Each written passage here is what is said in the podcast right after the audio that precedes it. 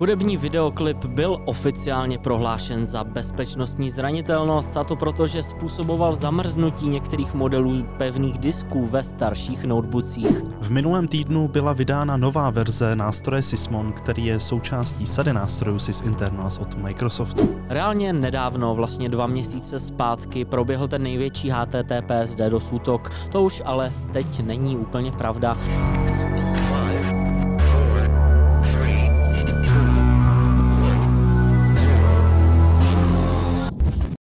Hezký den, dámy a pánové. Mé jméno je Stanislav Novotný, se mnou je tu můj kolega Milan Habrcetl. Dobrý den. A my vás vítáme u další epizody Ale v Security Castu.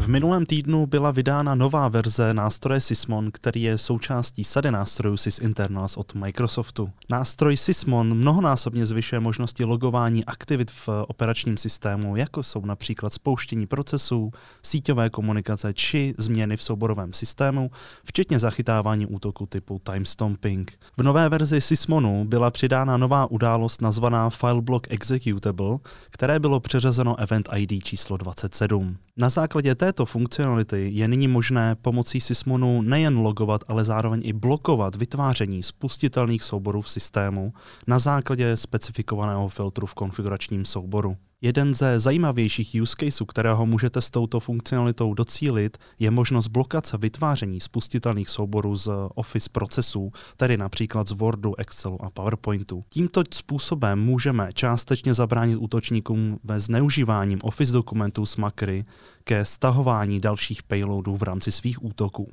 Neměl by to však být jediný bezpečnostní mechanismus pro monitorování a blokaci malvéru na koncových bodech, protože už byl objeven způsob, jak tuto funkcionalitu obejít. Avšak pokud chcete se podívat na předpřipravené konfigurační soubory, které blokují známý malware a nástroje, které jsou používány útočníky, eh, tak Florian Roth vytvořil sadu takových konfiguračních souborů a jsou dostupné na jeho GitHubovém účtu. Hudební videoklip byl oficiálně prohlášen za bezpečnostní zranitelnost, a to proto, že způsoboval zamrznutí některých modelů pevných disků ve starších notebookích. Zranitelnost dostala dokonce vlastní identifikátor a jedná se vlastně o denial of service a má to co dočinění s fyzikálním jevem známým jako rezonance. Bloger společnosti Microsoft Raymond Chen minulý týden ve svém stručném článku odhalil, proč přehrávání tohohle určitého hudebního hudebního videa v minulosti způsobovalo pád některých notebooků. E, napsal, můj kolega se podělil o příběh z podpory produktů Windows XP. Jeden z velkých výrobců počítačů zjistil, že přehrávání videoklipu k písni Rhythm Nation od Janet Jackson způsobuje pád některých modelů notebooků. E, přehrávání toho hudebního videa na jednom notebooku způsobilo pád notebooku, který byl poblíž, přestože na tom druhém notebooku se video nepřehrávalo. Ukázalo se tak, že píseň obsahovala jednu jednu z přirozených rezonančních frekvencí pro model pevných disků používaný pro notebooky s 5400 otáčkami za minutu. Eh, Chen vysvětlil, že výrobci tento problém vyřešili přidáním vlastního filtru do audio pipeline, který detekoval a odstranil ty rušivé frekvence během přehrávání zvuku. Je to tak oficiální skladba Rhythm Nation, byla společností Mitre označena za bezpečnostní zranitelnost a byl jí přidělen identifikátor CVE 2022 38392.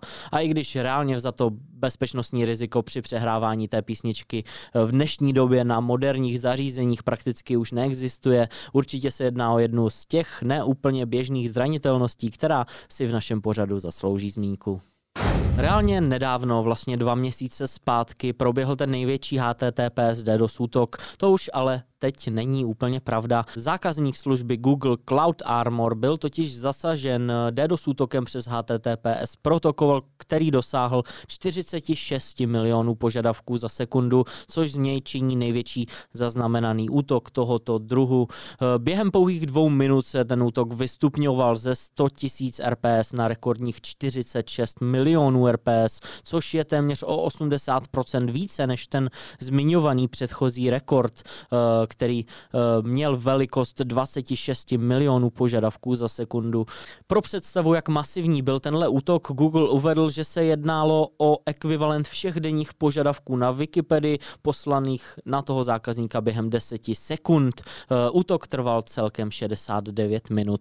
Botnet, který za útokem stál, nebyl zatím s jistotou určen, ale geografické rozložení těch použitých služeb k provedení útoku ukazuje na botnet Meris, který je zodpovědný za DDoS útoky s maximálními hodnotami 17,2 milionů RPS a 21,8 milionů RPS, což byly ve své době také rekordní hodnoty. Už od loňského roku tak začala éra rekordních objemových DDoS útoků, kdy několik botnetů využívá malý počet uh, výkonných zařízení k zasažení různých cílů. Uh, v září 2021 botnet Meris zasáhl ruského internetového giganta Yandex útokem s maximem 21,8 milionů požadavků za sekundu. Předtím stejný botnet protlačil 17,2 milionů RPS proti zákazníkovi společnosti Cloudflare.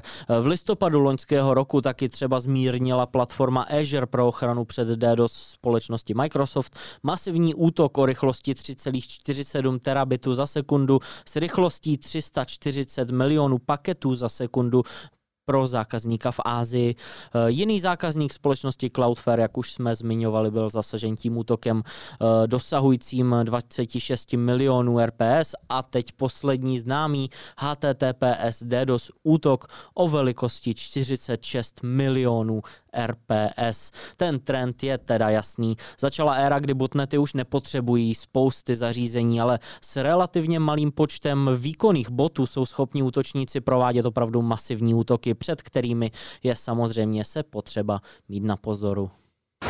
Minulý měsíc byl napaden bezpečnostní gigant Entrust, který se zabývá službami v rámci online identity managementu, jako je například poskytování služeb spojených se zabezpečenou komunikací či bezpečné online platební brány a podobně. Skupina, která stojí za Logbit ransomwarem, vytvořila minulý týden webovou stránku, která byla dedikována právě tomuto útoku na společnost Entrust. Na této stránce byla následně zveřejněna údajná data z tohoto útoku. Výzkumník, který tuto stránku objevil a nadále monitoroval, sdělil portálu Bleeping Computer, že se jednalo o dokumenty spojené s účetnictvím, právní dokumenty či marketingové datasheety. Avšak krátce po začátku zveřejňování údajných dat z útoku na Entrust byly stránky nedostupné. Skupina stojící za Logbit ransomwarem tvrdí, že tyto stránky jsou offline kvůli údajnému DDoS útoku ze strany společnosti Entrust, která se zatím dále k situaci nevyjádřila.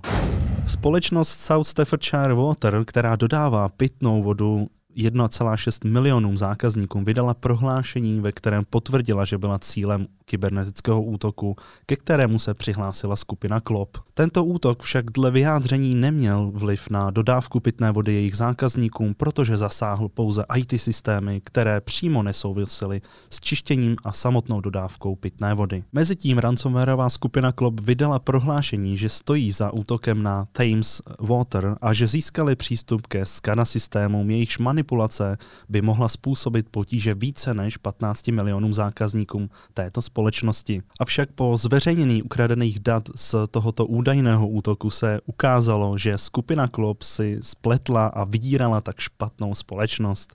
Skupina Klop později své prohlášení upravila a uvedla již správné jméno společnosti. Dnešní Meme of the Week se týká toho údajného DDoS útoku na stránky Logbitu a vidíte ho právě na obrazovce. No a to je od nás pro dnešek všechno. Díky moc, že jste se k nám připojili a příští týden naslyšenou. Naslyšenou.